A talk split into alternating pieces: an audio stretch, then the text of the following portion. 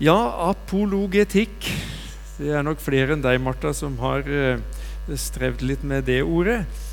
Eh, det, eh, det er, hvis vi skal finne et norsk ord, så er vel trosforsvar det mest vanlige.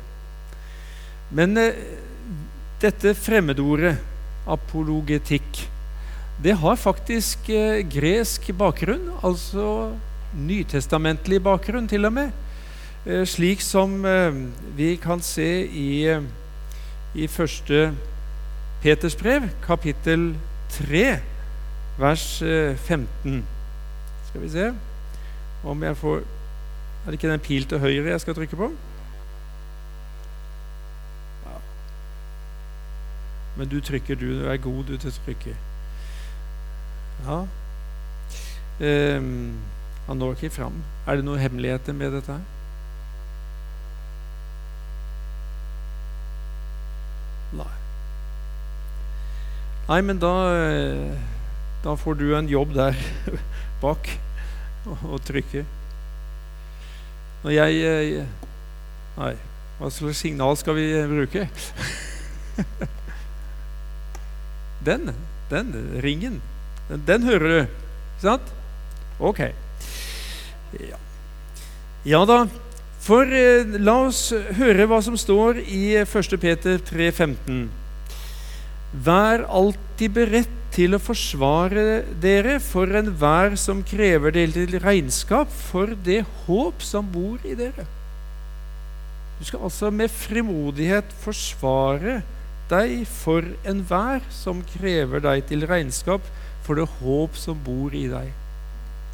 Altså Kristen tro, kristendommen, det er ikke bare noe som eh, du skal ha for deg sjøl, altså, men du skal med stor frimodighet få anledning til å eh, argumentere positivt for det.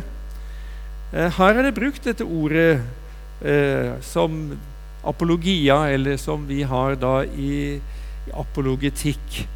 Og eh, det gjelder da å analysere og møte aktuelle innvendinger mot kristen tro og argumentere positivt for det.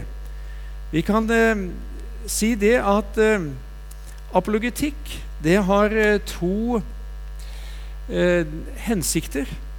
For det første så har det en, den hensikten overfor de som står utenfor kristen tro. Det er snakk om å prøve å fjerne eh, falske hindringer for å tro. Eh, vi kan ikke argumentere mennesker inn i Guds rike, men deres argumenter kan hindre dem i å komme inn, har eh, en sagt. Og det skal vi gjøre med frimodighet. Hvis vi ser på denne illustrasjonen her, så kan du kanskje ane litt av eh, hva det dreier seg om. Eh, vi har alle noen sånne eh, gjemmesteder eh, hvor vi prøver å, å, å, skjule oss og argumentere for det som vi tror på, eller regner med som, som sant i vårt liv. Og slik er det ikke bare for eh, den som er kristen. Det er ikke bare kristne mennesker som, som, tror. Alle har en eller annen tro. Selv ateisten som sier at jeg, det er ingen Gud, det er jo også noe han tror.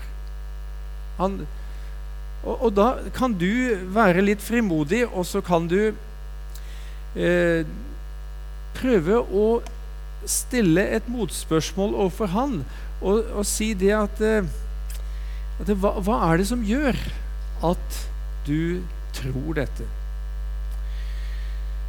For det andre så eh, har apologetikken den eh, funksjonen at det gjelder å bevisstgjøre deg som kristen på hvorfor du er det. Hvorfor du eh, nettopp stoler på det som står i Bibelen. Så det har altså en utadrettet eh, oppgave overfor dem som står utenfor kristen tro. Og så har det også en betydning for eh, deg og meg som tror på Jesus.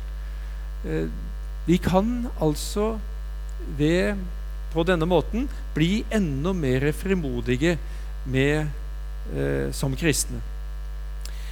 Hvordan er apologetikk mulig? Eh, hvis vi tenker på eh, Bibelen så, og, og, kristendommen, så vil mange si det at er noe åndelige greier. Eh, ja, det er det.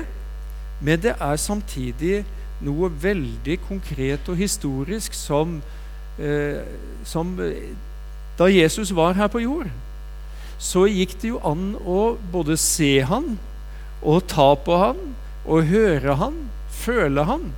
Jesus var veldig konkret. Og det er i grunnen noe av eh, den store bakgrunnen for at eh, vi kan eh, argumentere for kristendommens sannhet.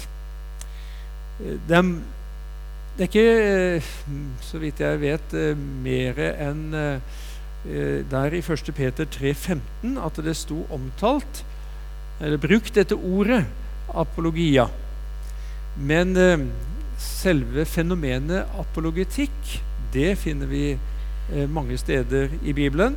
Både i Det gamle og i Det nye testamentet.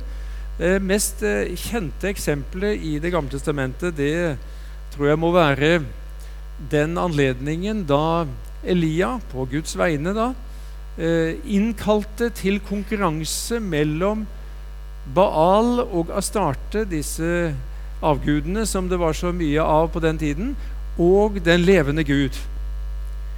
Og hvem var det som vant? Ja, det var jo veldig konkret eh, konkurranse. For de hadde laget til et eh, alter og lagt offerdyret oppå. Og så var det de Baal-profetene og starteprofetene som fikk første muligheten til å få deres Gud til å tenne på. Det skjedde jo ingenting. Men da Elia ba, ja, først før han, han ba, så sørget han for at eh, veden og alt sammen ble skikkelig gjennomvått.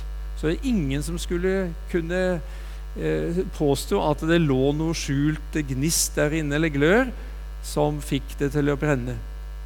Og så ba han til Gud, og Gud sendte ild ifra himmelen og brente opp ikke bare offerdyret og veden, men hele alteret smeltet bort.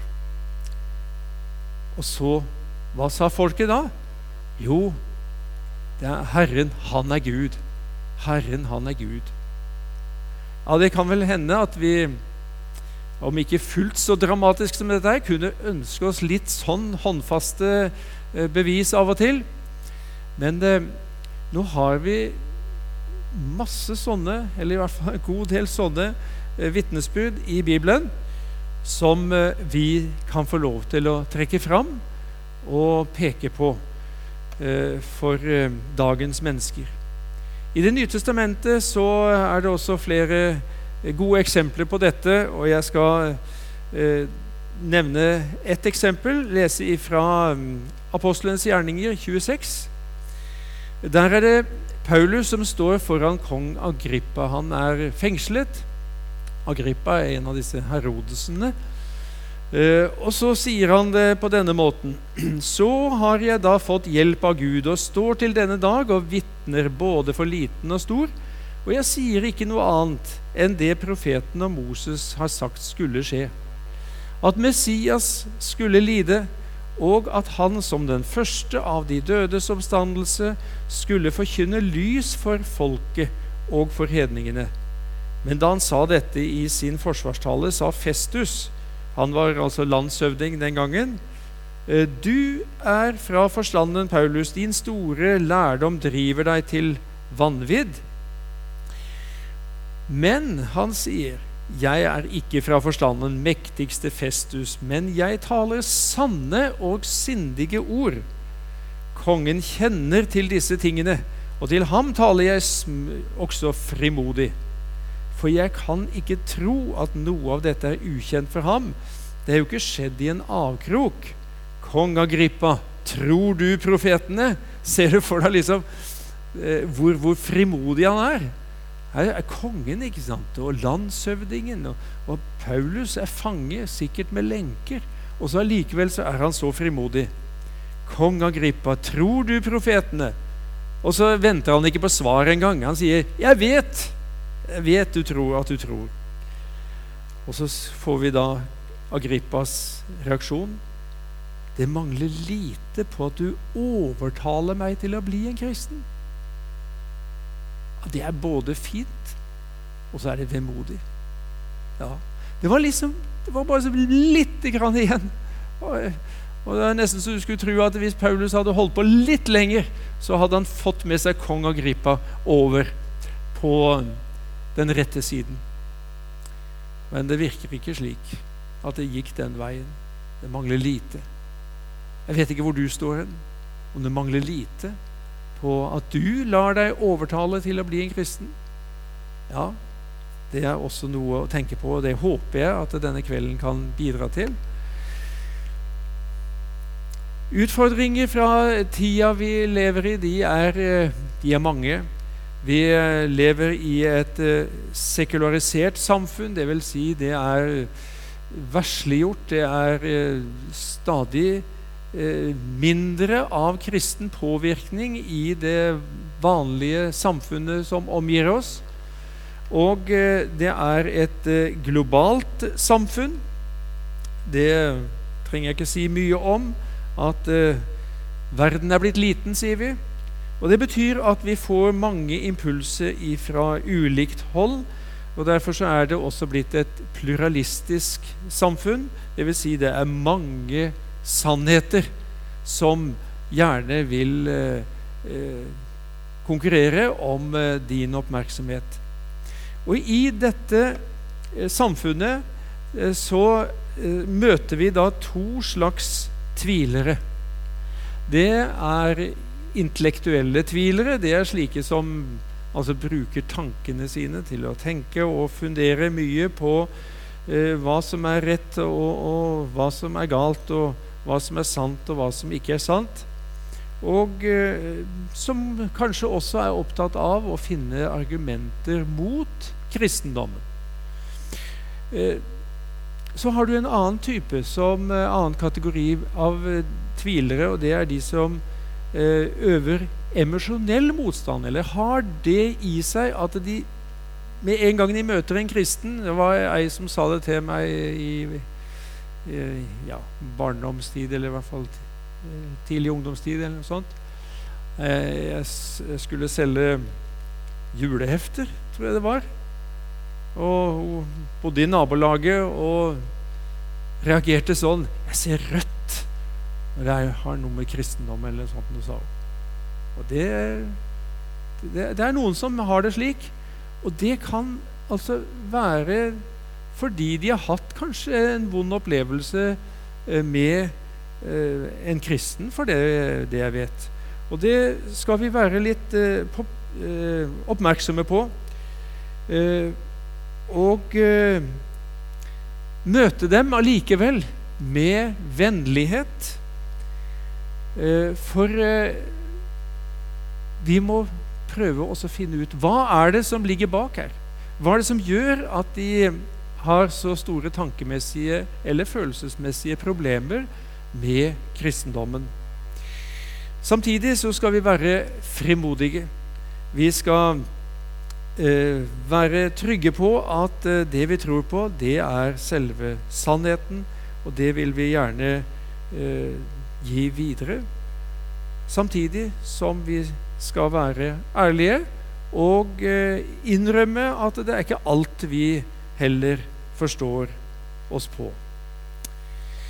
Så kommer vi til det første hovedpunktet etter denne innledningen.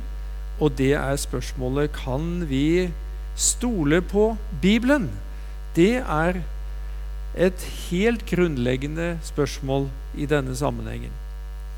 Og når vi eh, tar opp det spørsmålet og heller møter dette spørsmålet fra enkelte mennesker, så kan det hende det at vi av og til blir litt svar skyldig.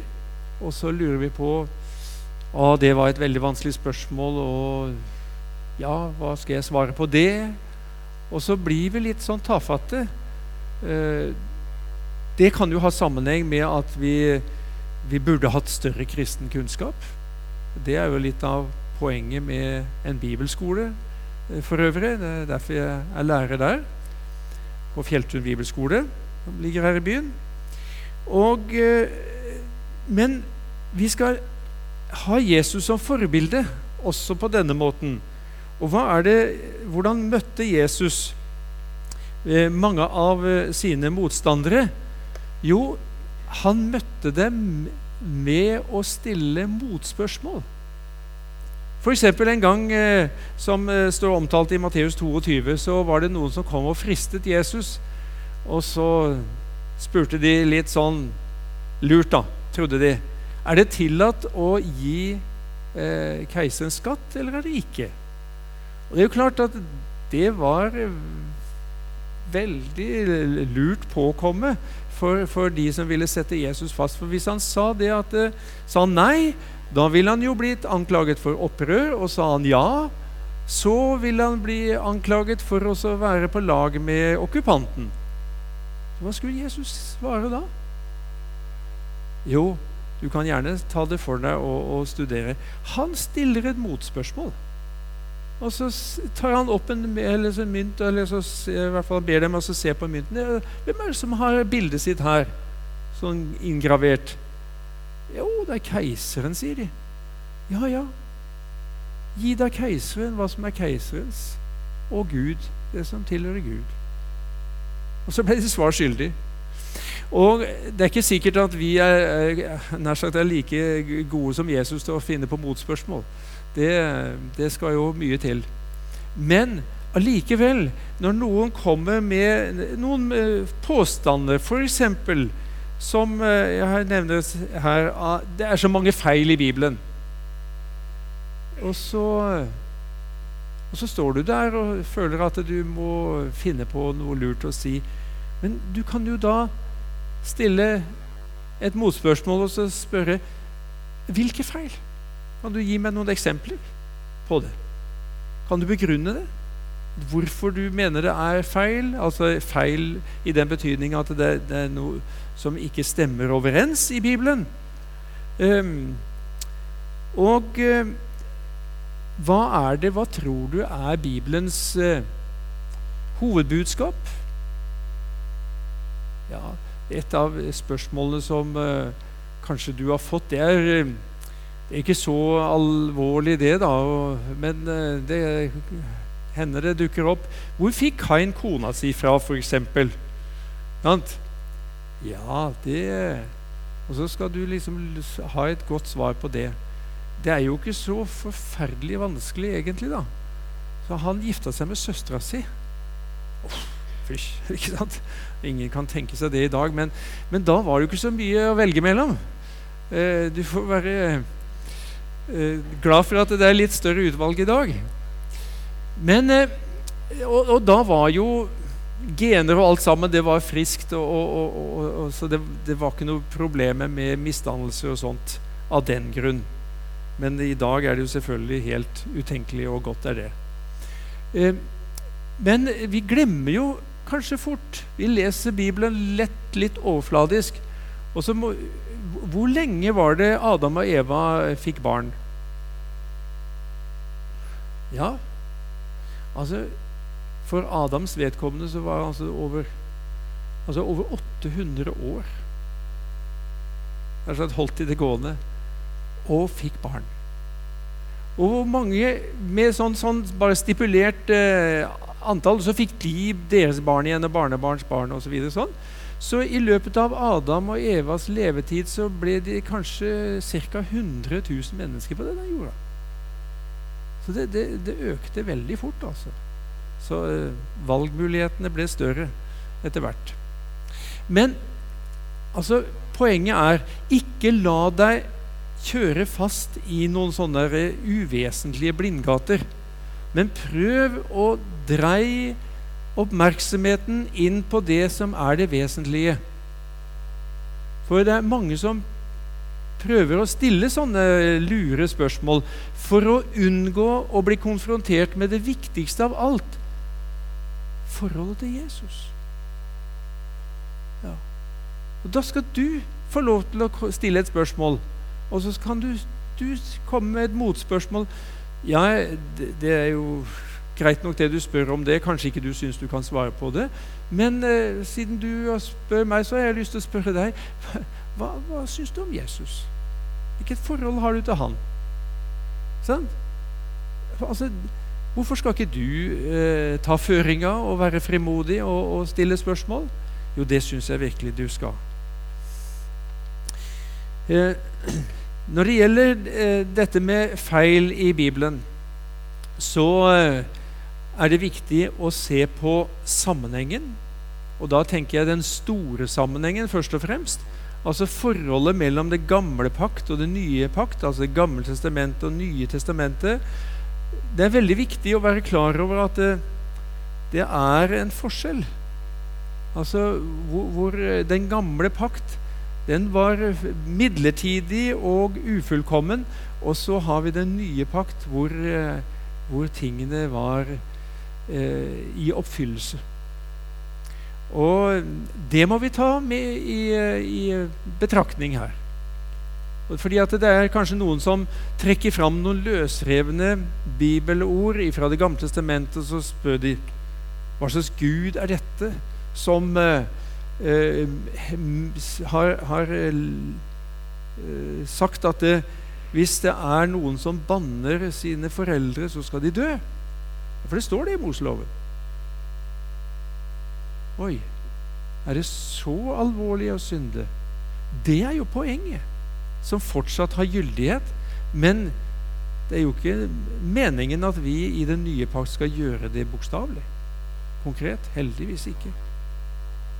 Så du, du, må være klar over den uh, sammenhengen og, og uh, delvis forskjellen. Og når Bibelen vitner om seg sjøl, så vitner den om at den er gitt oss for å gjøre oss vis til frelse. 2. Timotius brev 3, 16. Det er frelsen som er det viktigste i eh, Bibelen. Og så sier ikke Bibelen alt. Den er ikke gitt eh, oss for at den skal tilfredsstille eh, all slags nysgjerrighet om eh, vitenskapelige spørsmål og sånt. Eh, samtidig er det en lang vei fra de opprinnelige manuskriptene til eh, dagens norske bibelutgave. Eh, så, og eh, samme begivenhetene de er beskrevet av forskjellige med ulike målsettinger.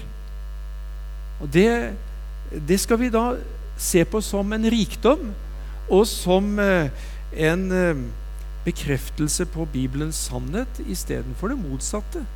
For hvis det var noen som hadde slått seg sammen på Jesu tid, eller like etter Jesu tid, og så tenkt at det, nå, skal vi, nå skal vi lure folk, nå skal vi finne på en historie om Jesus og fra Nasaret, og så skal vi skrive sånn og sånn. Vet, da hadde det vært strømlinjeformet da hadde, hadde, det neppe vært fire evangelier med såpass ulik karakter som de er. Så nettopp det at de er så ulike, samtidig som de er med og bekrefter eh, den samme Jesus, det er noe troverdig. Noe som gjør at eh, vi kan stole på det som står der. Jo, men eh, det var jo flere evangelier, sier du kanskje. Det var jo Thomas-evangeliet og Judas-evangeliet og, og, eh, flere andre skrifter fra denne tiden. Også eh, enkelte som forteller om Jesu barndom og ungdomstid. For det, det, det gjør jo ikke det er lite av det i evangeliene i Bibelen. Ja, Hvorfor kom ikke de med, da? Nei, det hadde sin eh, gode grunn i at eh, de rett og slett ikke ble trodd, ble ikke anerkjent som eh, troverdige vitnesbyrd om Jesus i de, de første kristne menighetene. Uh, for da levde de jo så tett på den tida som dette hadde skjedd. at de, de la til sides disse skriftene som ikke var troverdige. Eh, de var eh, stort sett av, eh, påvirket av gnostisisme, som var en vranglæreretning. Filosofisk retning som også prøvde å ta opp i seg noen elementer fra kristendommen. Og, og, og dette ble noe annet. Ble en annen Jesus. Et eksempel fra en av disse skriftene som forteller om Jesu barndom. Eh, der står det eh, han, om Jesus som var med og hjalp eh, faren sin i, i tømmermannsverkstedet.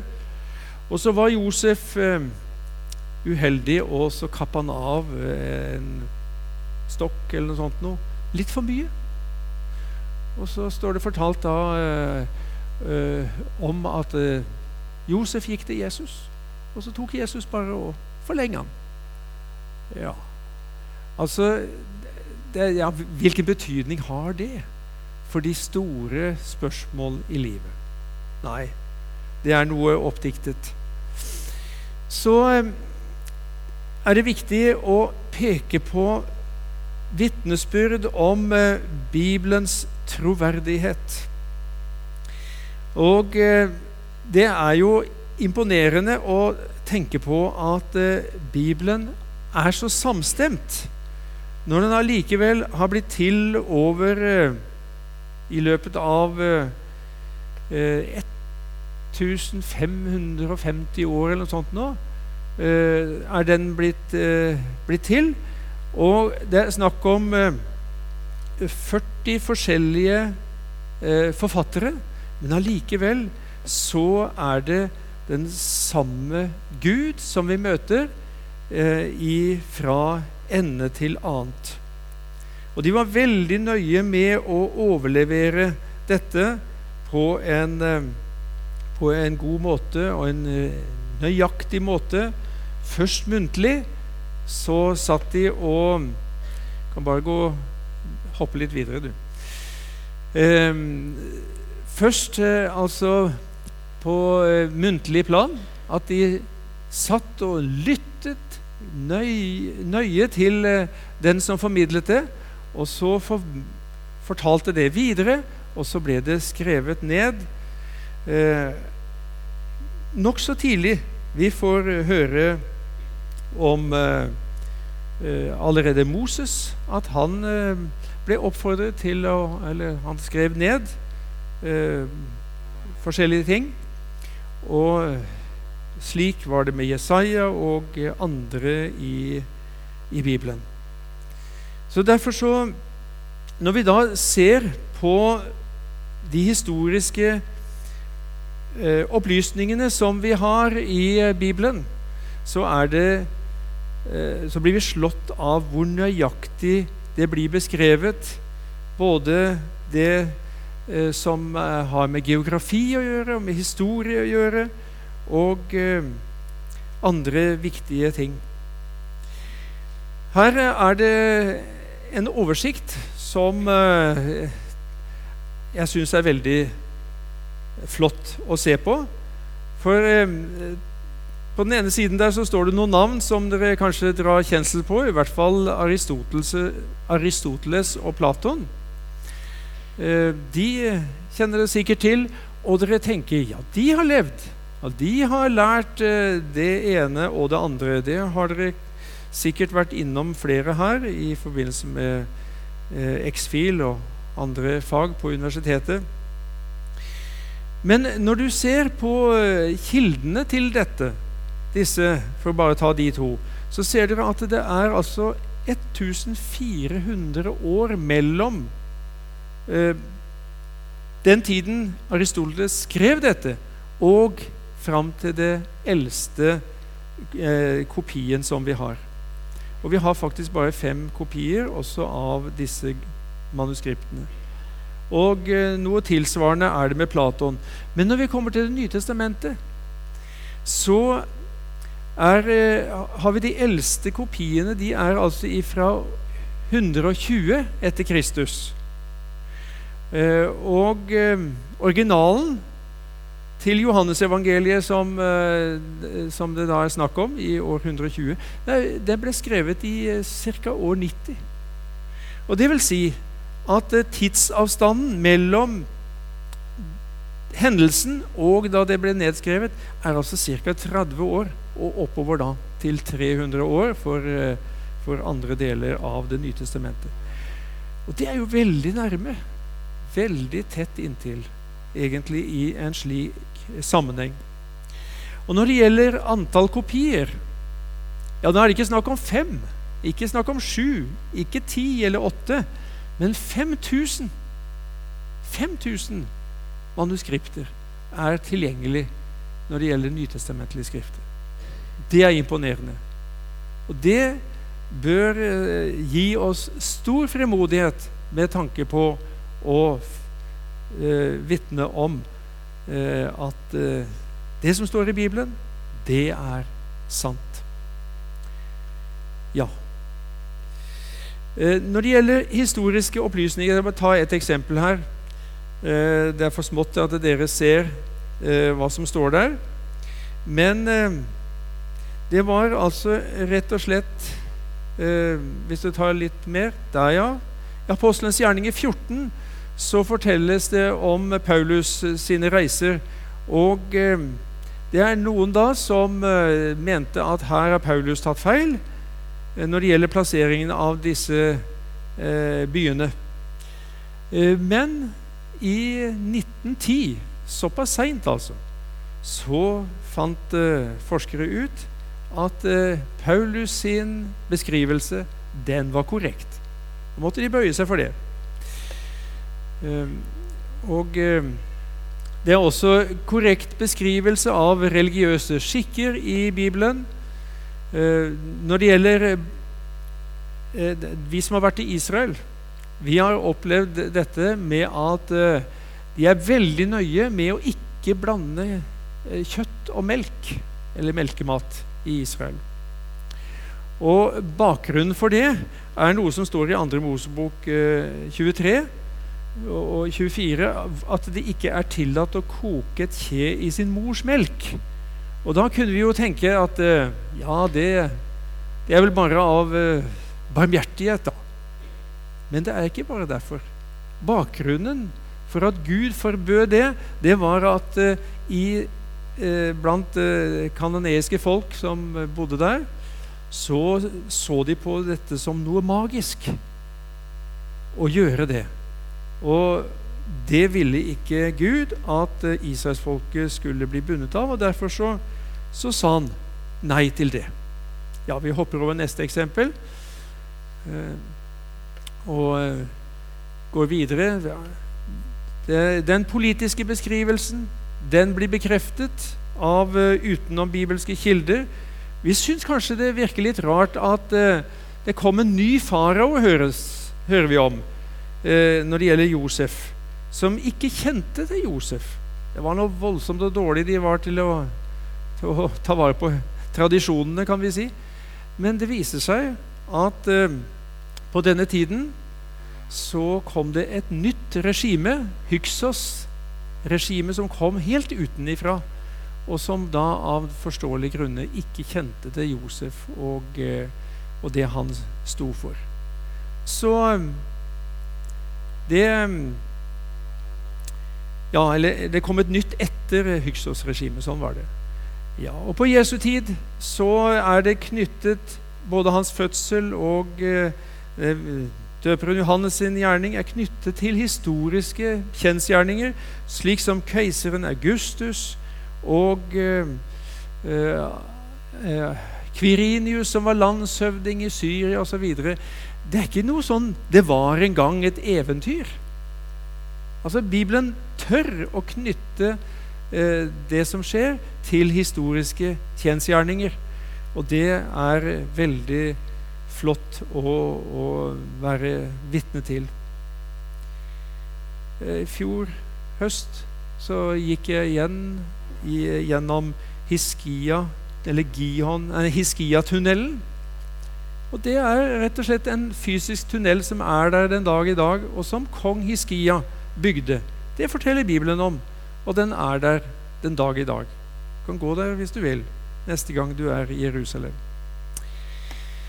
Ja, vi eh, Så kommer alle de oppfylte profetiene, og du kan bare gå litt fort framover der, til eh, Messias-profetiene, ikke minst. Og her er en oversikt over en del viktige Messias-profetier. Og det, det er jo ikke vanlig for mennesker å kunne spå, særlig ikke om framtiden, sier vi. Eh, og derfor så blir forholdet mellom profetiene i Det gamle testamentet og oppfyllelsen i Det nye testamentet de blir veldig avgjørende for Bibelens troverdighet. Og når vi tenker på at eh, Det gamle testamentet det var ferdig samlet eh, som eh, skrift eh, på Jesu tid det bekrefter dødehavsrullene som ble funnet eh, i ca. 1948. Da, eh, der finner vi eh, så å si hele Det gamle testamentet, og det er bekreftet, det som står i profetiene om Messias som skulle komme. Og Det får vi altså se når vi da leser eh, i Det gamle testamentet og ser oppfyllelsen i det nye, så er det en veldig sterk bekreftelse på Bibelens sannhet. For eksempel Jeg kan jo ikke ta så mange eksempler, som du skjønner, men i Salme 22 så står det tydelig beskrevet en som eh, er korsfestet. For det står at eh, de har gjennomboret mine hender og mine føtter. Og det, hvem var det som fant på dette grusomme med korsfestelsen? Det var romerne. Ja. Og det var ikke noen uh, korsfestelse på Davids tid. Det er David som har, er forfatter til Salme 22. Han levde ca. 1000 år før Kristus. Men på Jesu tid så brukte de denne henrettelsesmetoden. Og så er det altså en beskrivelse av Messias som dør under disse forferdelige omstendighetene som det er å dø på et kors. Eh, de, og videre De kan telle alle mine ben. De stirrer, de ser på meg med skadefryd. Og så også en liten detalj. De deler mine klær mellom seg og kaster lodd om min kjortel. Det gjorde de akkurat med Jesu kjortel. Ja, jeg blir imponert. Men det er jo bare fordi det er Guds sanne ord. Ja. Jeg tror hvis du Du må bare gå uh, fort videre her nå til uh, Jesu oppstandelse. Jeg må si noe om det til slutt. Ja, det er Babylon som ble ødelagt. Jerusalem som ble frigitt. Jesus hadde profetert om det.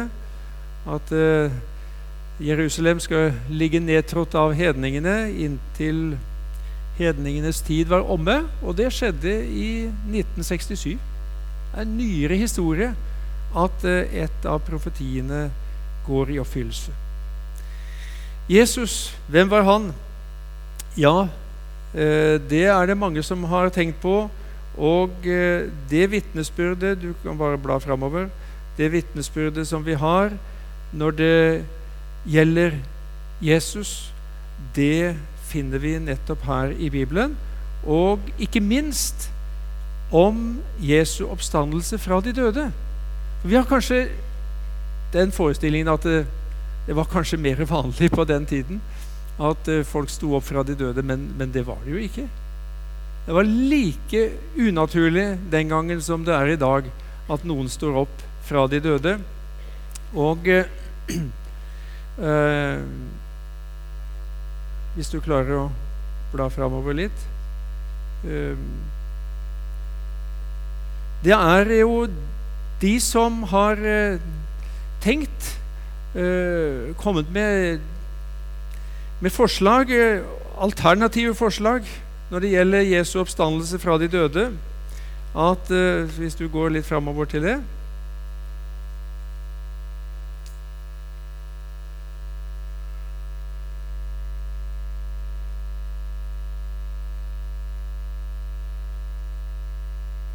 Ja, det er noen falske forklaringer eh, til, eh, som prøver da å, å, begrunne Jesu oppstandelse fra de døde ved at eh, ja, Hvis du kommer med neste punkt her legemet ble stjålet.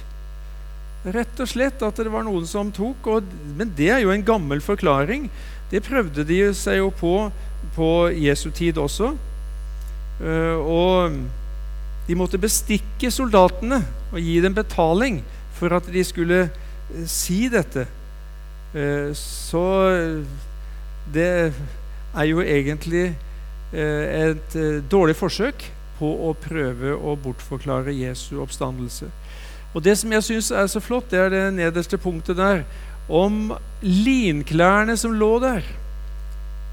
For det står det jo, eh, særlig da i Johannesevangeliet.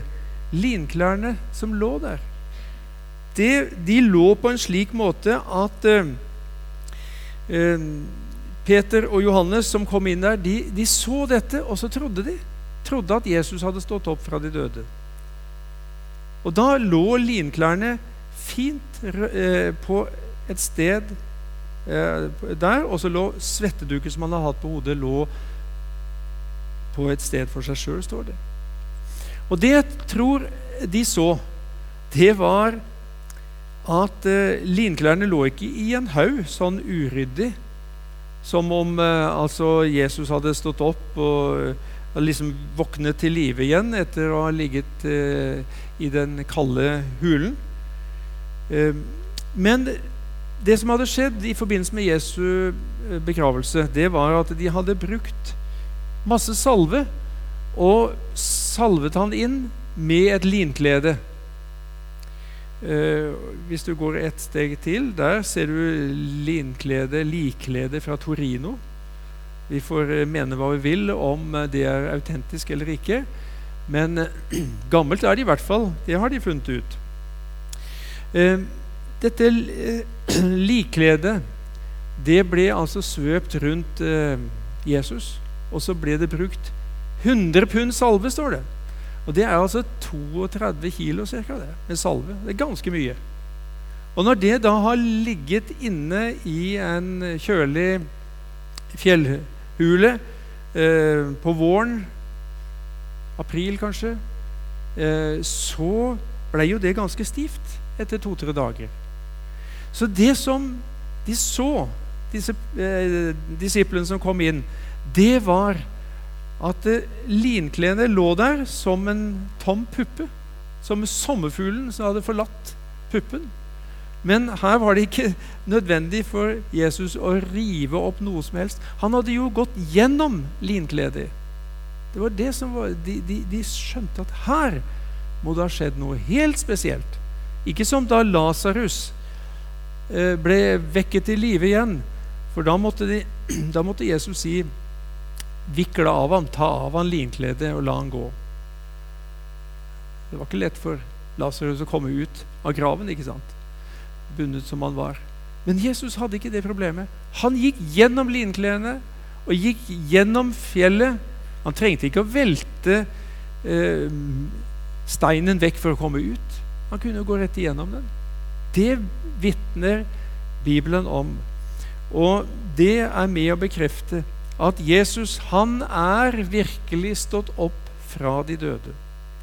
Han lever, og, han le og hvis Jesus lever, da er det sant, det som Bibelen vitner om, at han døde for oss. Han levde for oss, og han sto opp igjen fra de døde for oss, for deg og for meg. Det er med å bekrefte at uh, at frelsen er ordnet, at alt er ferdig som eh, trengs for at du skal bli frelst. Det er med å bekrefte at det er sant, det Jesus sier i Johannes 14, 14,6. Jeg er veien og sannheten og livet. Ingen kommer til Faderen uten gjennom meg.